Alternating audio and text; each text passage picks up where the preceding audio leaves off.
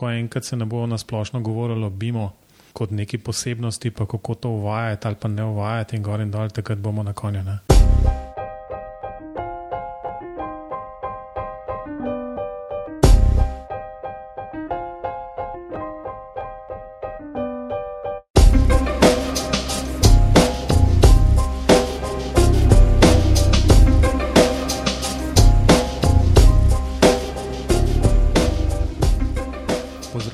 V oddaji podcasta BIM Pogovori, v kateri se z gosti sproščeno pogovarjamo o informacijskem modeliranju zgradb in informacijsko-komunikacijskih tehnologijah v gradbeništvu.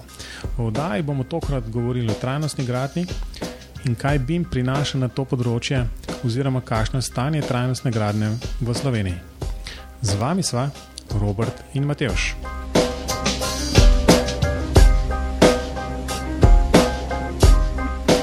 Zdravo, Robi.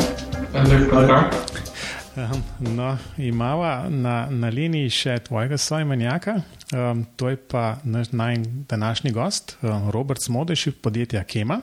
Pozdravljen, Robert. Pozdravljen, še enkrat. ja, lahko v parih stavkih se predstaviš, kaj počneš. Najprej najlepša hvala za povabilo. Um, zelo rad sodelujem, se, sploh pa na tej temi, kot uh, naj bi se malo pogovorili tudi danes, trajnostna gradnja.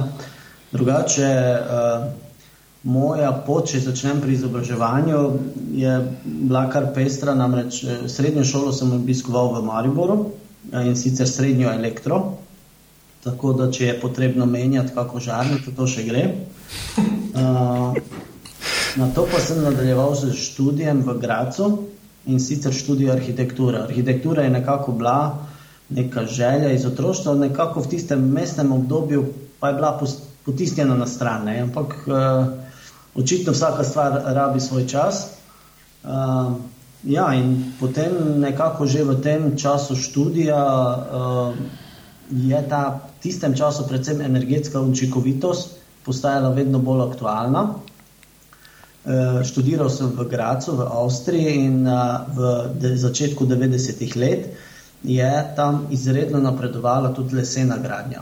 Tako da sem se takrat, pa ne samo jaz, ampak tudi eh, takrat so šolci, veliko srečevali z leseno gradnjo, ko pri nas o tem nočem povedati, da še ni bilo govora, ampak veliko, veliko manj kot pa mogoče kakih 15 ali pa 20 let pozneje. Tako da to je bila neka, neka prva izkušnja. No, potem že proti koncu študija sem nekako začel delati eh, na kemiji, oziroma eh, predtem tudi v enem arhitekturnem biroju. In uh, ja, od praktično leta 2001 naprej sem zaposlen v kemiji. Prav tako upravljal različna, različna dela, ampak sedaj sem že štiri in pol leta, se mi zdi, eh, vodja produkta, torej nekako odgovoren za eh, proizvode, produkte podjetja, od razvoja in praktično do tega, da tak produkt postavimo na polico oziroma ga celo gradimo. Ta nekaki, ne, nočem povedati celotni življenjski cikl produkta, ampak en del življenja pa je eh, vseeno v mojih rokah. No, nekako uh, okrog leta 2008-2009, uh, me je ta neka želja po dodatnem izobraževanju potem spet pripeljala v stik z v bistvu najprej energetsko učinkovitostjo, uh, začelo se je govoriti o pasivnih hišah, ampak potem pa je tudi splet nekih okoliščin nanesel, da sem prišel skupaj z Nemškim združenjem za trajnostno gradnjo, DGNB, uh, kjer sem potem tudi leta 2009 opravil izpite in postal prvi ne-nemški auditor. Skratke, uh, uh, to je za tiste čase bilo potem res nekaj posebnega, ampak moram povedati, uh, uh, da sem v tistem času v bistvu dobil ogromno nekega znanja, predvsem pa pogled v trajnostno gradnjo, kot ga do takrat še nisem imel. Tudi pri nas se je v tistem času o tem govorilo bistveno manj kot danes, uh, zato, zato je bila cela stvar še toliko bolj zanimiva. Predvsem pa me je nekako uh, zanimalo to certificiranje stavb. Skratka, Nemci so se relativno hitro, pa ne samo Nemci, ampak predtem že Britanci, se pravi, za svojim certifikacijskim sistemom BRIAM, eh, pozneje potem tudi je nastal ameriški eh, sistem LEED, so prišli do spoznanja, da, da morajo imeti neka merila, če želijo govoriti o trajnostnih stavbah. In, in ti certifikacijski sistemi so nekako postali to merilo, da so lahko začeli na eni strani stavbe med sabo primerjati, seveda pa tudi jih ustrezno vrednotiti. In uh, sam smatram, da je še to danes zelo, zelo pomembno. Namreč, uh, predvsem v našem prostoru, zelo pogosto opažam, da uh, je trajnostnost, trajnostna gradnja že na nek način postala neka floskula, ki jo zelo na enostaven način vzamemo v usta ampak veliko krat pa niti ne vemo, kaj za sabo to prinese, oziroma kaj sploh trajnostna gradnja je.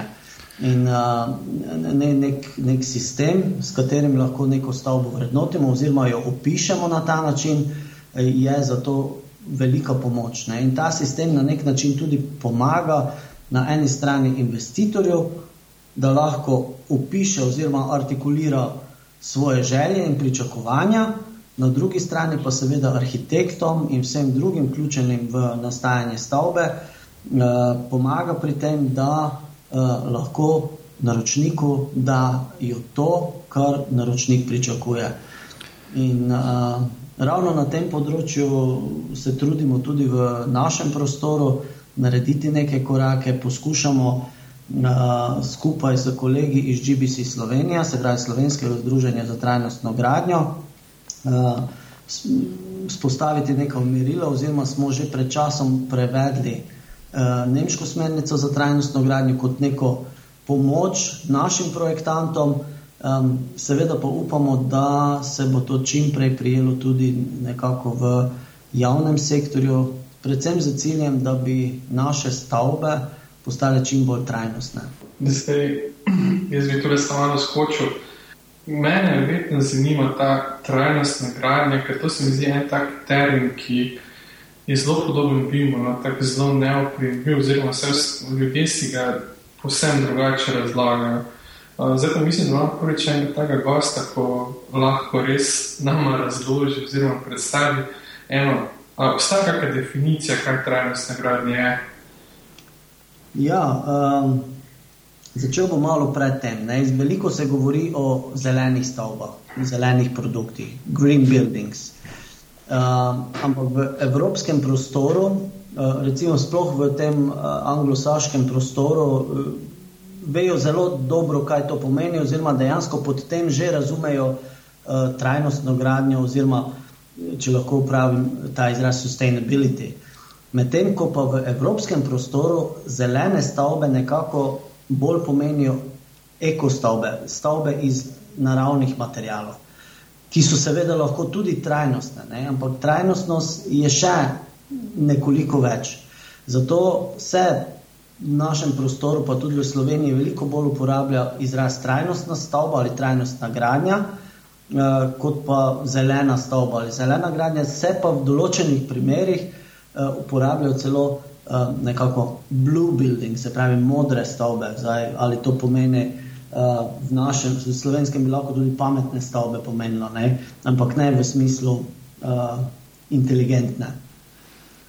No, če, kar se tiče same definicije trajnostne stavbe, uh, v grobem, kamorkoli se obrnemo, uh, opisujejo te stavbe zelo podobno, je pa potem od države do države mogoče malen, malenkostna razlika, ampak predvsem za trajnostne stavbe velja, da opazujemo stavbe v celotnem življenjskem ciklu, skratka, in to eh, tako materijale, ki so uporabljeni za to stavbo, kakor tudi samo obratovanje stavb.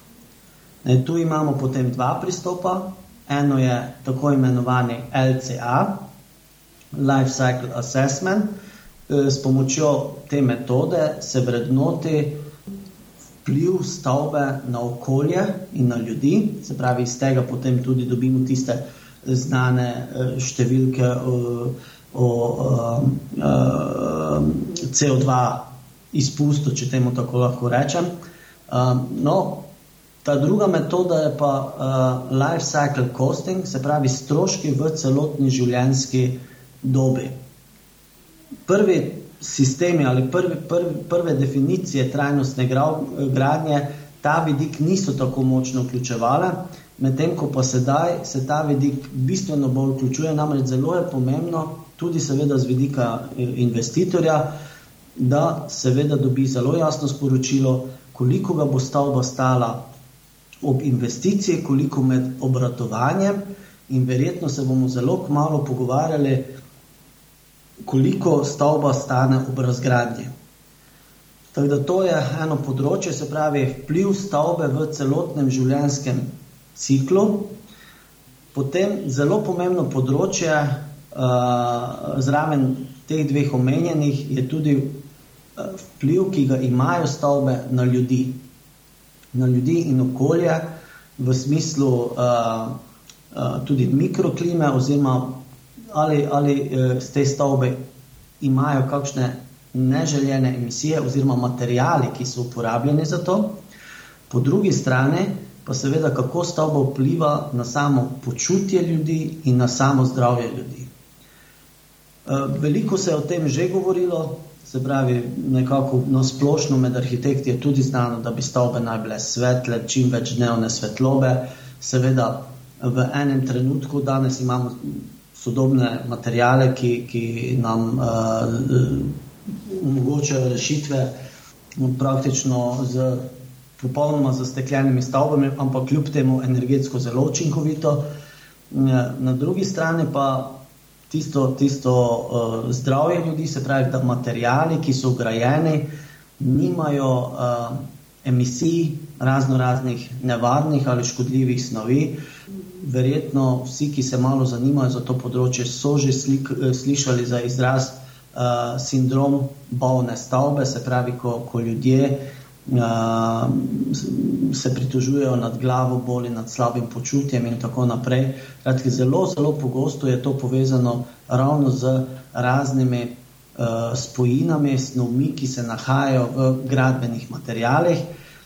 Določene stvari so sedaj s pomočjo zakonodaje že prepovedane, ampak še vedno je ta razpon med tistim, kar je prepovedano in tisto, kar je škodljivo, prevelik, in prizadevanja znotraj trajnostne gradnje grejo ravno v tej smeri, da, eh, da je teh škodljivih snovi čim manj. Govorimo pa predvsem o hlapnih organskih spojinah, formaldehidih, razne težke kovine eh, in tako naprej, ki so pravim v barvah, v premazih, lahko v lepilih in, in seveda na eni strani vplivajo na uporabnika. Želimo pa seveda zaščititi tudi tiste uh, ljudi, ki z tem vsakodnevno delajo. In, in uh, jaz vedno rečem, tudi če, če si predstavljamo, da uh, preba, prepleskamo nek prostor z neko barvo, ki vsebuje hlapne organske spojine, te sicer se izločijo v, v nekem obdobju, nekaj, nekaj tednov, v začetku bolj intenzivno, potem vedno manj. Eh, in po recimo dveh, treh mesecih uh, za uporabnika ni nekega vpliva, ampak dejansko izvajalec, ki pa dnevno za tem dela, pa praktično dobi vsakodnevno polno dozo tega, uh, teh strupov v sebe, ne? v nekem ekstremnem primeru. Tako da to je, to je en vidik, no zelo pomemben vidik trajnostne gradnje so tudi procesi in tukaj pride tudi do neposredne povezave z BIM, Pravi, da so ti procesi naravnani v trajnostni gradnji tako, da investitor lahko v, v vseh teh procesih aktivno sodeluje in da je končni rezultat seveda takšen, ki ustreza njegovim pričakovanjem in da so tudi vsi procesi vezani na gradnjo, se pravi procesi na, v, v, v načrtovanju, procesi med gradnjo in seveda tudi samo uvajanje uh, uporabnika v uporabo stavbe, uh, da je to narejeno tako, da je potem ta stavba čim bolj učinkovito uh, izkoriščena. Ja, zdaj, si, zdaj si v bistvu men, mene zelo skrbi, ne? ker ja, si je definicija trajnostne gradnje v bistvu terjala kar nekaj časa za, za pojasniti. V bistvu. Tako da škoda, škoda, da dejansko nimamo pač ene take kratke, jedrnate zadeve, ne? da bi bila dosti jasna za vse, ampak verjamem, da to ne. Niti ne obstaja, niti jo ne moramo definirati, zato ker je pač tukaj nekih vidikov, poglede na samo stavbo, um, od uporabnika, investitorja, vzdrževalcev, um, izdelovalcev, pač um, industrije gradbenih materijalov, ne vem, gradbenikov, nač, pač arhitektov in tako naprej. Toliko razno raznih členov je, da najbrž bi se vsak rad videl v takšni definiciji, zato najbrž tudi um, relativno opisen opisna definicija. Daj, kot rečeno, odprl si pa vem, cel kup enih stvari, o katerih bi se dal, dal na dolgo in široko pogovarjati. Mene osebno je v bistvu omenil si sindrom bolne stavbe, zgradbe. Ne? Moram reči, da sem to prvič slišal, sem si pa jasno predstavljal, da oziroma zmeraj, ko vem, gledam, ko ljudje na kažnih stavbah menajo okna, um, pa ne vem, stara lesena okna, kaj jasno ne tesnijo več že zadnjih 30 let, um, menjajo z nekimi plastičnimi um, okni, um, okviri. Um, um, me jasno zelo skrbi zraven, ker najbrž iz tega pride cel kup težav um, z vlago in z, z vsem možnim slabim zrakom noter. Um, po drugi strani je pa tudi. Omenil si pač recimo ta LCA Life Cycle Assessment, pa LCC Life Cycle Costing, um, hkrati omeniš tudi počutje. Um, recimo za ta prva dva, jaz verjamem, da se jih da nekako neko številko van dobiti. Ne? Um, Medtem ko počutje je pa tako zelo subjektivno, jaz verjamem, da, da je vedno tako, da tudi recimo v eni skupnosti, ne vem, v, eno družinski hiši so enika jim je 23 stopinj.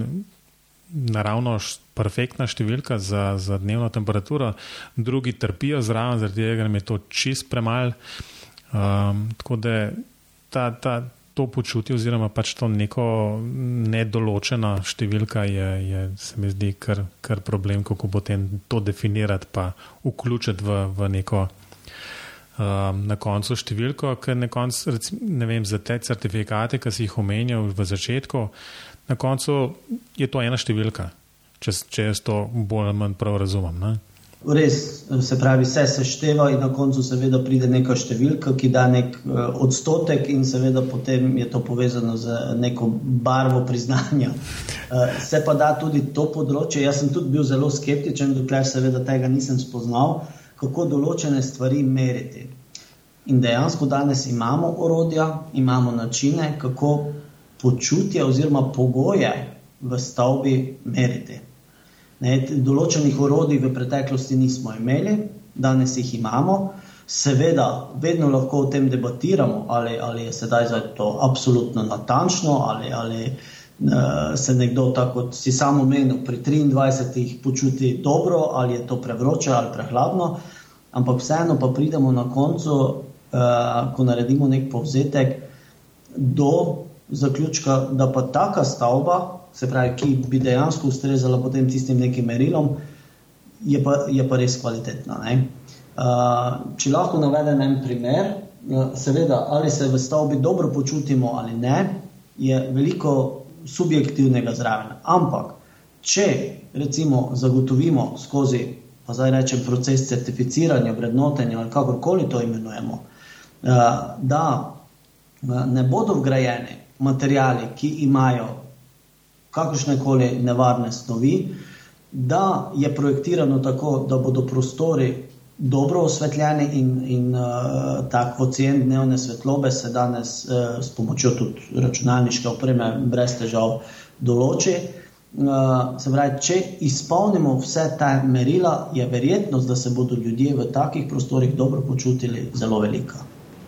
Jaz imam malo izkušenj z tem certificiranjem v ameriškem sistemu, ta lit. Um, in vem, da je tam tudi ogromno enih kriterijev, ki niso nujno povezani samo s stavbo. Vem, da so tam se dobivali neke dodatne točke za število koles, koles, mislim, kolesarskih uh, parkirišč, pa ne vem, bile so neke dodatne točke za, za naravno prezračevanje, če ni bilo mehanskih. Uh, Če ni bilo nujno mehanskih oziroma strojnih instalacij, vključenih v tako prezračevanje, Eh, pa me zanima, ali je trajnost v evropskem merilu, jaz namreč ne poznam vseh teh uh, certifikacijskih um, pravil. Ali v Evropi se tudi ta pravila upoštevajo, da je neka stavba trajnostno naravnana oziroma grajena? Ja, tudi v Evropi uh, so ta merila zelo podobna. Se pravi, stavba uh, je vedno postavljena v neko okolje in tudi to okolje na koncu lahko vrednotimo, ali je bolj ali manj trajnostno. Zdaj, če, če si lahko dovolim vzeti en primer, recimo neka uh, energetsko izredno učinkovita ali pa lahko je tudi uh, trajnostna stavba nekje na podeželju, bo sicer za sebe funkcionirala zelo dobro. Bo imela zelo malo izpustov, uh, prebivalcem oziroma uporabnikom bo nudila visok nivo uh, uh, kakovosti bivanja. Ampak, če morajo ti prebivalci dnevno delati x km na delo in pri tem uporabljajo osebno vozilo, in tako naprej, uh, nismo v, v širšem merilu naredili nič dobrega.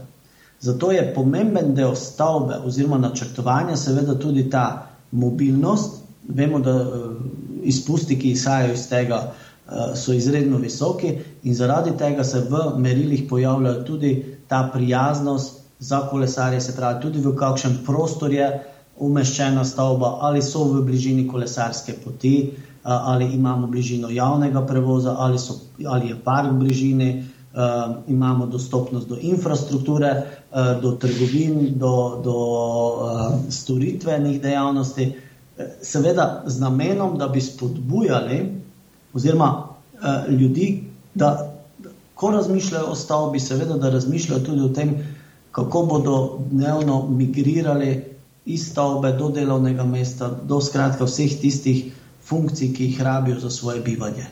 Ne, in uh, uh, v Evropi lahko rečem, da so zelo podobna merila kot ta lid. V Evropi, predvsem pravi Nemci, so pri tem bili vodilni, uh, so postavili nekoliko strožja merila, ampak sedaj ravno ta lid, pa tudi Briam, sledita Evropi in uvrščata določene kriterije, ki so sprva bili le v Evropi, sedaj tudi v svoje sisteme. Vse pa nekoliko razlikujejo v malenkostih, ampak pomembno je, da v Evropi, če lahko tako rečem, gledamo stavbo kot celoto. Se pravi, nočemo gledati posamezne ukrepe. Pravi, sicer je lepo, da investitor poskrbi, da ima stavba energetsko učinkovita, uh, učinkovito za steklitev, da ima dobro izolativne, uh, uh, se pravi, zidne konstrukcije, plač, da ima učinkovito opremo, ampak če vse to skupaj ne deluje kakovostno in kvalitetno in, in čim bolj učinkovito v celotni življenjski dobi, potem nismo veliko naredili. In prej je bilo veliko tega parcialnega, gledanja in tudi v Sloveniji veliko krat gledamo na te parcialne rešitve, ne gledamo pa stavbe kot celote. In trajnostna gradnja si prizadeva ravno za to, da se po, pogleda stavbo tudi za svojo bližnjo okolico kot celoto. Uh, jaz sem tu še eno vprašanje. Sicer trajnostna gradnja, vem, da gleda na cel življenjski cikl ene take stavbe, kot si že prej omenil, tudi stroške razgradnje, pa verjetno tudi cel operativni cikl, tako z vidika porabe energije, kot stroškov in vsega. In jaz to vidim eno veliko paralelo z BIM-om in, in BIM-om kot modelom procesa, kako koli bomo temu zdaj rekli, ne? ker BIM, BIM bi naj, v bistvu vse prednosti BIM-a bi naj prišle do izraza šele po zaključku gradnje, pa ko enem takem ciklu, ko stavba deluje. Pa me zanima, ali je v okviru trajnosti oziroma trajnostnega gibanja, ali se že kaj govori o BIM-u, ali je to mogoče še čisto neraziskano področje z tega stališča? V nemškem sistemu DGNB je BIM oziroma BIM-u podobne funkcije, zdaj, če poenostavljeno rečem, prinesejo dodatne točke. Ne? Ampak to ni toliko bistveno, koliko je bistveno ravno to, kako pomemben je ta proces načrtovanja da dobimo na koncu dober rezultat, se pravi kvalitetno stavbo, je ta povezanost vseh, ki kakorkoli sodelujejo pri nastajanju stavbo, stavbe, izredno pomembna. In sam sem imel v svojih študentskih časih priložnost uh, delati maketo plečnikovih žal. In takrat smo si pridobili kopije načrtov, in te kopije so bile sicer na velikih, mislim, da A0 ali še malo večjih polah, ampak je bilo nekih pet listov. In to, je, to so bili načrti za kompletne plečnikove žale. Ne?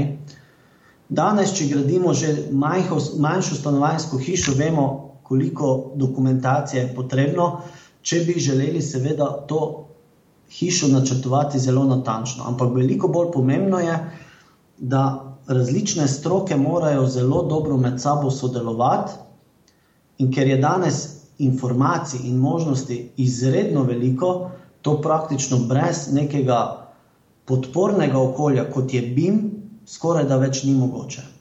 In danes nam dejansko BIM orodja omogočajo, da že v zelo zgodnji fazi načrtovanja preverimo naše rešitve, more biti jih potem še usmerimo malenkost v, v, v smer bliže tistemu končnemu rezultatu, kot želimo, ampak pred leti to praktično ni bilo mogoče. In danes lahko v, v, z pomočjo BIM-a ne, eh, ne samo, da pridemo do, do kvalitetnejših rešitev, ampak da pridemo tudi do uh, energetsko bistveno bolj učinkovitih rešitev, uh, seveda, da o, o času, ki, ki bi brez takega orodja bil potreben za kaj takega, eh, eh, sploh ne govorimo. Ne.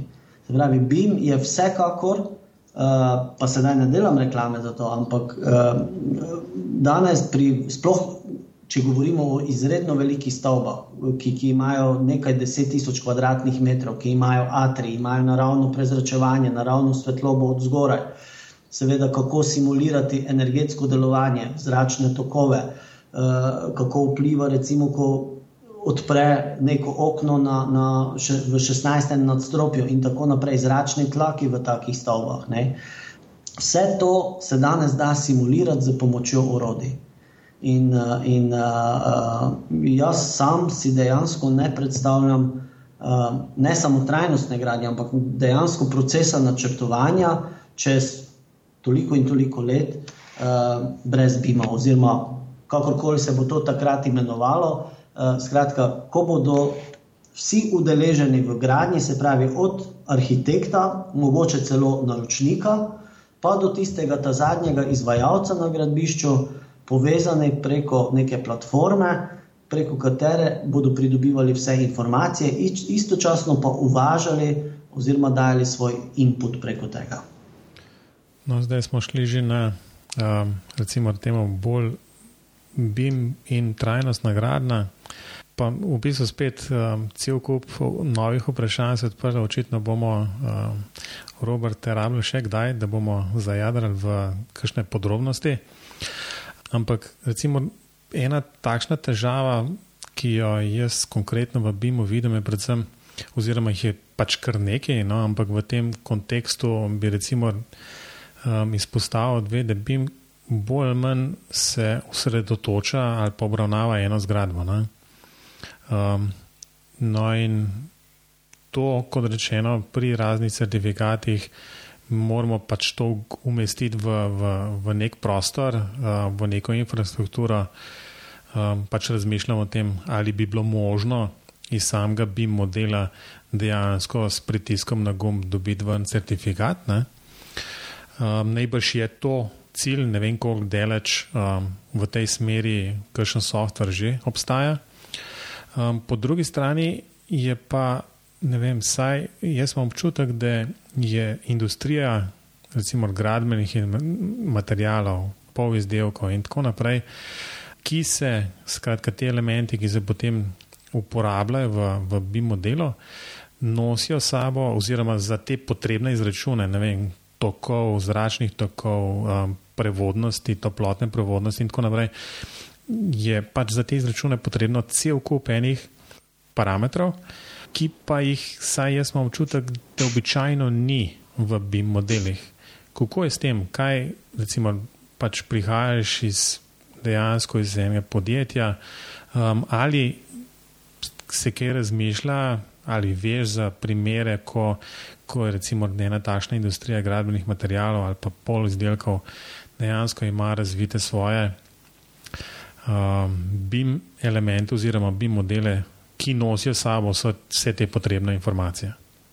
Ja, gradbena industrija, sicer danes uh, so te BIM informacije, uh, vsaj po moji izkušnji, veliko bolj vezane še vedno na uh, neke elemente, kot so vrata, okna, mogoče neke, neke fasadni paneli in podobno, ki jih potem arhitekti zelo radi uvozijo. Uh, in seveda multiplicirajo, uporabijo na svojem uh, projektu. Ne. Se pa pojavlja vedno bolj tudi, in, in gradbena industrija uh, nikakor ne bo mogla mimo tega, ko bo dala podatke o svojih proizvodih, oziroma pa o proizvodih, veliko krat. To, to pomeni tudi neko lepilo za fasade ali fasadni sistem na razpolago v, v, v tak model, kjer bo potem dejansko v, v, v neki končni uh, verziji, če temu tako lahko rečem, z res pritiskom na, na gumb, dobi nekdo vse podatke. Danes uh, že obstajajo recimo uh, um, programi za projektiranje, kjer se na relativno enostaven način dobi podatke o energiji, potrebni energiji za obratovanje takih stavb. Eh, se pravi, tu je že en velik korak naprej. To je bilo nepredstavljivo pred, pred 20 leti. Ne. Prvi ta korak uh, je bil izračun uh, gradbene fizike v enem programu, ampak danes smo bistveno, bistveno dlje. Zelo blizu tega obstaja že program, ki pa seveda ni vključen v program za projektiranje, ki, uh, ampak manjka manjka samo ta povezava modela. Se pravi, če bi, če bi se nekdo potrudil in naredil to povezavo, da bi iz nekega programa za projektiranje izvozil uh, grafično informacijo uh, v ta drugi program, v tem drugem programu so praktično zbrane vse informacije o produktih in ta drugi program praktično izračuna LCA, LCC, energetsko izkaznico in tako naprej. Govorim pa o enem programu v Nemčiji tudi popise, recimo uh, že uh, investicijsko vrednost približno zračuna, kajti v Nemčiji, v Avstriji in še v nekaterih drugih državah imajo popise standardizirane. To je recimo eno področje, ki ga v Sloveniji še nimamo urejenega in verjetno se mu tudi ne, ne bomo mogli izogniti, če se bomo želeli pogovarjati o BIM-u, pa seveda tudi o trajnostni gradnji. Tako da tako industrija gradbenih materijalov, kot tudi industrija uh, programske opreme, uh, ima še veliko izzivov pred sabo, ampak končni rezultat, vsaj kot ga jaz vidim, je, je ena transparentnost, tako na eni strani, kot na drugi. Uh, drugače si sploh ne predstavljam. Mislim, da se tu načela ena zelo dobra tema, sploh to glede standardiziranih popisov, pa bima. Uh, sicer je najprejšnji gost enem prejšnjih gostov, ki, ki je predstavljal novosti v programu Arhitekt, je že nakazal, da se nekaj na, na to temo, oziroma na to temo avtomatskih popisov, pa karakteristik, pa uvoza, pa tako naprej že dogaja. Uh, ampak mislim, da bo res treba na tem še veliko delati. Moje vprašanje pa je to, glede na to, da, da prihajaš iz enega podjetja, uh, Kema, ki se ukvarja predvsem z gradbenimi materiali, pa bolj takimi osnovnimi gradbenimi materiali, pregradni. Uh, ki se običajno v, v PIM-u ne modelirajo. Vi verjetno ne razmišljate o tem, da bi, da bi svoje proizvode uh, prikazali v obliki kakih BIM elementov. Ali se mogoče motim? BIM, BIM elemente, ne? tukaj govorimo verjetno o zidovih, o, o ploščicah, o oknih, o vratih in tako naprej. Ne?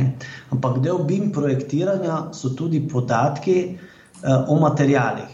Se pravi, ko vi imate, uh, definirate v BIM modelu uh, zid, ki je sestavljen iz, v ekstremnem primeru, lahko tudi iz 20 različnih materijalov. Se pravi, od zaključnega sloja mrežice lepila, toplotno-izolativne plošče, spet lepila, eh, nosilne konstrukcije, se pravi, zid, pa potem notranji umet, pa barva in fina izravnava, in tako naprej.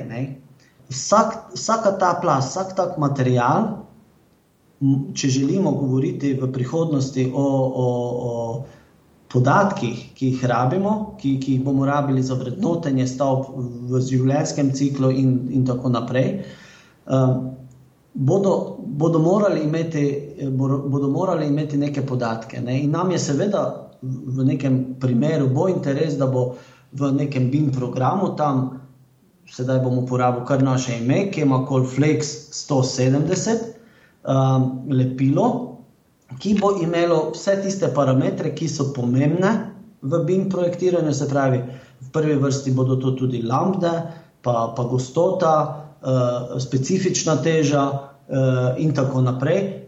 Seveda tudi podatek, o, ali so v tem lepilu neke nevarne snovi ali jih ni, in tako naprej. Kajti, ko bo nekdo enkrat pritisnil na, nek, na neko stikalo ali na nek gumb, bo seveda lahko iz BIM programa, iz BIM projekta dobil zelo hitro informacijo, ups, uh, v vem, tem in tem delu stavbe pa smo izbrali take materijale, ki uh, pa imajo, sedaj rečem, ali neke nevarne snovi, ali imajo ne, ne, nekaj drugega.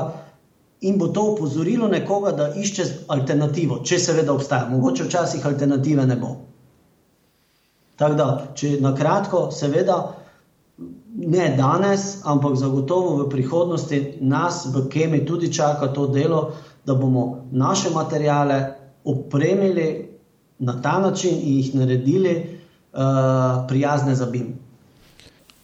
O teh podatkih se v zadnje dva vprašanja vrtimo. Zdaj, izrazil bi samo v bistvu, recimo, kaj se vem, um, dejansko stanje ta dan, oziroma na današnji dan, kjer se mi zdi, da je precej težko te podatke dobiti, ne samo, da, da bi bili v obliki primerni za vnos v, v nek BIM modelirnik, ampak nasplošno. Se pravi, da bi bili nekje na spletu dejansko zapisani te podatki, konec koncev v nekem PDF-ju, kjer bi si lahko ali naročnik ali izvajalec dejansko pogledal vse te značilnosti oziroma vse te karakteristike. Dej, mogoče, mogoče se še posebej v ne vem, taki industriji gradbenih materijalov to da, oziroma je praksa, da se to dobi. Ne? Ampak sicer pa, vsaj glede izkušenj z razno raznih evropskih projektov, je bilo zmeraj nekako ta težava, kje bomo pa dobili te podatke. Te podatke ne obstajajo, potem so se pa neke knjižnice um, vedno znova razvijale, pa probali pritegniti neke proizvajalce, zato da bi to knjižnico napolnili z nekimi dejanskimi um, podatki. Daj, a je to še vedno, ali jaz živim v. v napačnem prepričanju, da je to res ali je dejansko stanje takšno? Ja, in ne. V, v evropskem prostoru, mislim, tako je. Danes praktično vsak proizvajalec gradbenega materijala na svoji spletni strani praviloma predstavlja produkte in nekje, bodi si na isti strani, ali kakorkoli, daje na razpolago tudi tehnično dokumentacijo. Največkrat je to tehnični list, varnostni list, in od nedavnega tudi izjava o lastnostih produkta. Skratka, preko tega je javno dostopno uh, veliko podatkov o praktično vsakem gradbenem proizvodu. To, recimo, da te podatke damo v javnost, nas zavezuje tudi zakonodaja. Tako da do tega se da priti. Verjamem pa, da je to za neko praktično delo ali projektiranje zelo, zelo naporno. Tudi moja izkušnja je bila taka, da te podatke redko kdo pogleda. Ne. Obstajajo pa, sploh ko govorimo o vrednotenju v, v življenjskem ciklu, že zelo bogate baze produktov, recimo nemška je EcoBaudat in potem ena vseevropska ESUCO uh, in tako naprej. Uh, nekaj malega se je začelo dogajati tudi v Sloveniji, predvsem preko neke uh, mednarodne platforme, ki se imenuje EcoPlatforma. Tako da sam sem nekako optimističen in verjamem, da bomo mogoče v letu do dveh imeli eno zelo kakovostno bazo produktov z, z obilo informacij, pri, in kar je pomembno, primerno tudi za BIM projektiranje eh, na razpolago tudi v Sloveniji.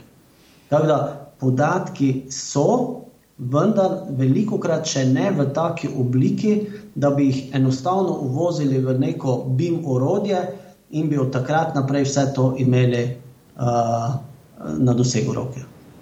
Je, ne, ne, to je, se, se v celoti strinjam. V bistvu zdaj, se pravim, ko, ko si začel pač raz, tole zadnjo razlago, sem se jasno nekako sam pri sebi zamislil in sem rekel, ok, se nisem prav vprašal, ne, zaradi tega, ker verjamem, da te podatki, kot ko si rekel, že zakonsko morajo biti objavljeni. Težava je jasno v bistvu te zapise nekako standardizirati do te mere, da bi jih bilo potem možno uvažati v, v, v BIM modelirnike. Te, ta, ta del pa v bistvu vsak. To manjka. Ne obstaja. Ne? Tako, to, to manjka, in uh, sam pravim, verjamem, da se bo to tudi v, v nekem, nekem časovnem obdobju zgodilo, uh, da bo to moralo biti v taki obliki, da bo to enostavno možno. Uh, ali recimo v Avstriji obstaja ena izjemno kakovostna baza, ki je, ki je nastala praktično na prostovoljni bazi, to je Baubook, kjer dobite ogromno informacij teh primarnih o gradbenih proizvodih, pa tudi tiste nek, malo poglobljene, vezane na, na okolje, na, na zdravje, na škodljive snovi in tako naprej. Na, na zelo enostaven in transparenten način. Ne. Ampak za arhitekte, za projektante je seveda pomembno, da bodo ti podatki v taki obliki, da, da jim ne bi potrebno brskati, ne? ampak da bodo dejansko v ozadju imeli nek praktično online dostop, eh, ko bodo vpisali nek produkt v, v svoj projekt, da bo seveda eh, v ozadju mreža poiskala podatke in jih seveda potem ustrezno tudi pozicionirala in, in pripela v, v, v projekt. Ja, se si predstavljam ali, ali za Arhiket ali za Revit v bistvu neka slovenska predloga, ki se dejansko vsebuje že povezave na vse te možne, na, na vse te možne podatke. Ker bo roka na srce, večina arhitektov v Sloveniji še zmeraj dela za slovenski trg. No, če, če lahko dam eno pripombo, ne, eh, generalno pa velja, eh, da arhitekti tudi v času svojega izobraževalnega procesa zelo malo časa namenijo temu področju, in, in potem seveda se to odraža pri njihovem delu, ker to področje zelo slabo poznajo. Se pravi, kar se tiče produktov, poznajo produkte z vidika ali pa tiste produkte, ki vizualno dajo neko kakovost njihovemu delu. Medtem ko pa tiste produkte, ki pa so nekako skriti v zadju, ampak so, so zelo pomembni za funkcioniranje same stavbe, pa, pa se zelo malo govori, oziroma tudi posvečeno zelo malo pozornosti. Ja, zdaj, jaz, če bi dodal na tisto prejšnjo debato, mi v bistvu potrebujemo eno tako bazo, ki je bila sestavljena iz vseh podatkov, ki jih najdemo v posameznih tehničnih listih. Ja, recimo osnova temu je, ali bo, če lahko tako rečem, ta pogovorno se reče temu EPD, Environmental Product Declaration.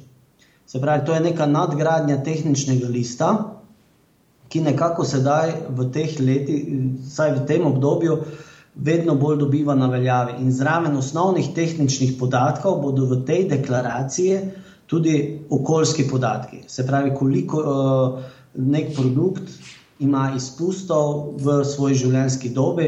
Skratka, veliko več podatkov in baza, ki sem jo prej omenil, eh, EcoBaudat, ta, ta nemška baza, dejansko že vsebuje eh, nekaj tisoč eh, proizvodov z temi, pa če temu lahko rečem, razširjenimi tehničnimi liste, EPD. Ne?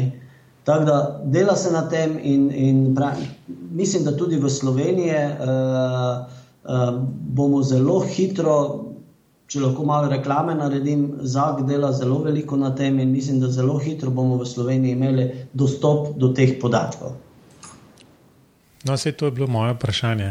Kdo je, kdo je potem tisti prvi, prvi na spisku poklicanih, ki bi se s tem um, ukvarjali? Zdaj si istočnico, oziroma rekel, da je to zak. Sam sem, pražat, sem hotel vprašati, da je to pač ta Green Building Council Slovenija, um, skratka neko združenje. No, uh, uh, ZAK, uh, uh, ZRMK in še seveda nekaj drugih institu uglednih institucij so tudi člani Green Building Councila, kjer uh, zelo tvorno in uh, zelo kakovostno med sabo sodelujemo. Ampak dejansko na operativni ravni uh, je ZAK, tisti se pravi uh, Zavod za gradbeništvo Slovenije, uh, ki ima ustrezno uh, okolje, ustrezno znanje, uh, da seveda dela na taki bazi in verjetno pravim, mislim, da zelo kratkem tudi objavil tako bazo, kajti sami so zadolženi seveda za certificiranje produktov, potem za uh, uh, spremljanje kakovosti produkta in tako naprej. Skratka, njihov nabor informacij je že sedaj zelo velik. Glede na njihovo mednarodno sodelovanje, predvsem preko te ekoplatforme, pa, pa se sedaj odpira nek, neko novo poglavje, Eh, izmenjave podatkov eh, in, in seveda tudi neke enotne, da ne rečem vse evropske eh, baze. No, to je odlična novica za, za Slovenijo in upam, da bo čim prej res prišel do, do ene take baze in da bo lahko arhitekti in ostali deleženi v gradbenih procesih potegnili čim več od njih.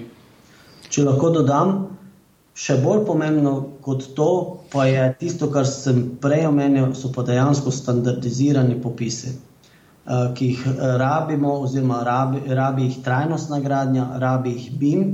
Eh, konec koncev pa jih rabijo tudi investitorji in vsi, ki dajo denar, namreč s pomočjo standardiziranih popisov se lahko začnemo tudi kakovostno pogovarjati o ceni, o, o delu, o času, ki je potreben za, nek, za neko operacijo na stavbi, in tako naprej. Brez teh standardiziranih, pa bo vsaka debata, oziroma vsak napredek tu zelo, zelo težek.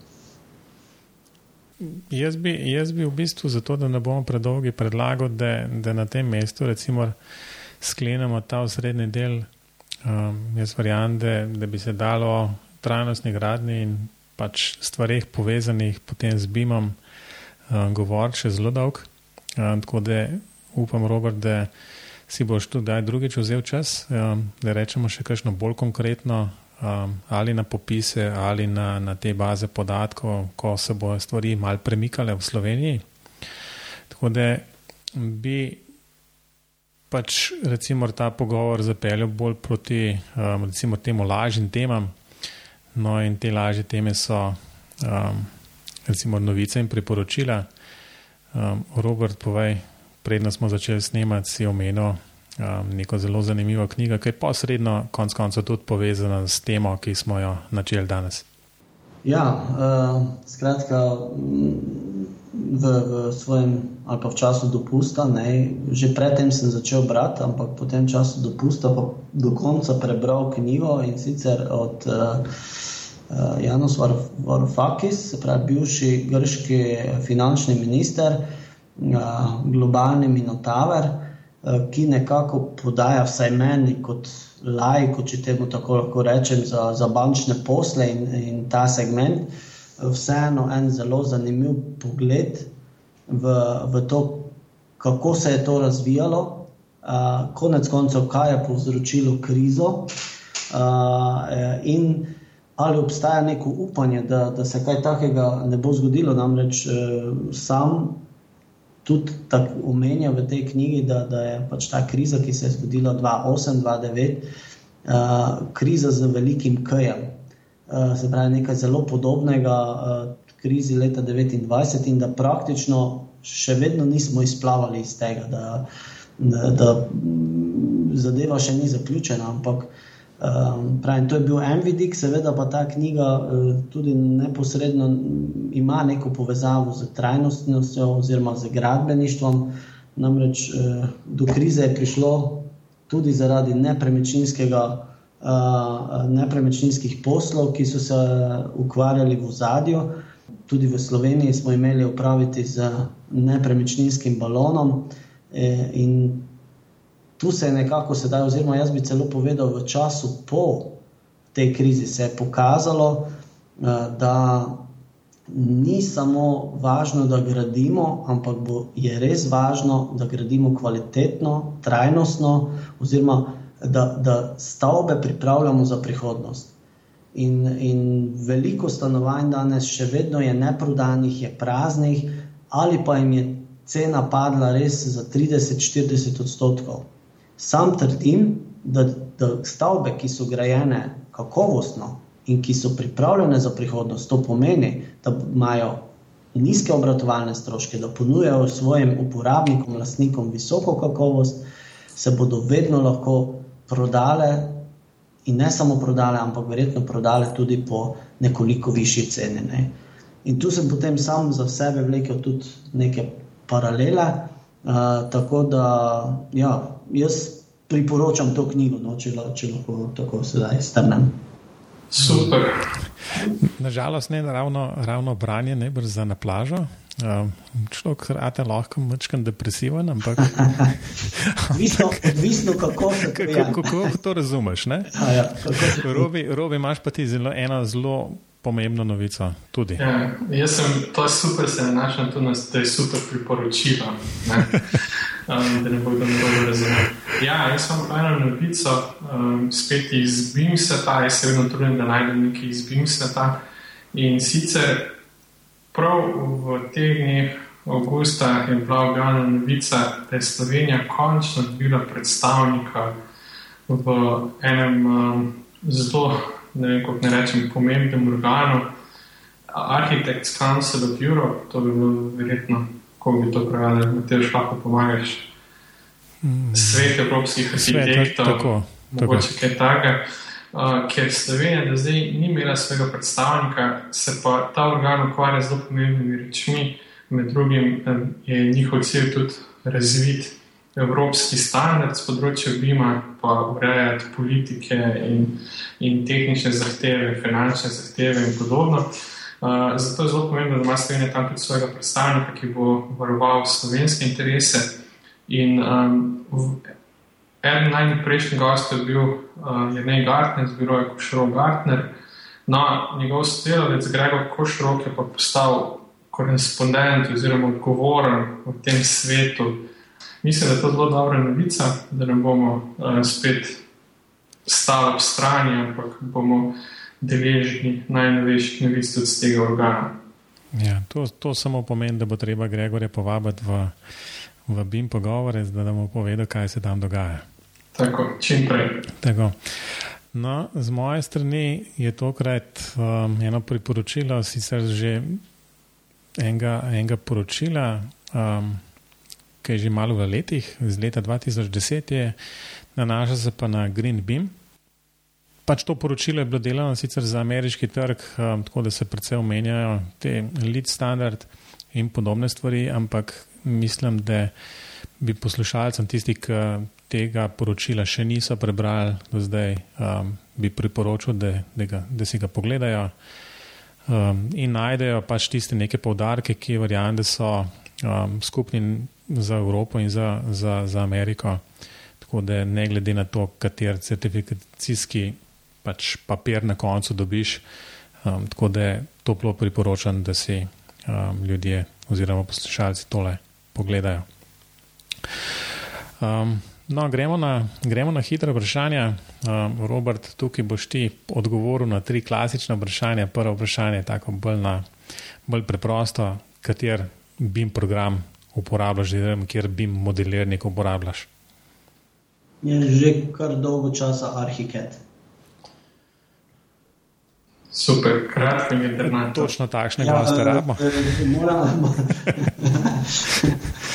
Ne, uh, sem začel na AutoCAD-u, to lahko povem, pred uh, začetkom študija, no, potem pa nekje mislim, da ko je ArchiCAD prišel ven z verzijo 5, od takrat naprej pa, pa sem na ArchiCAD-u in nekako vse čas sledil tudi temu razvoju.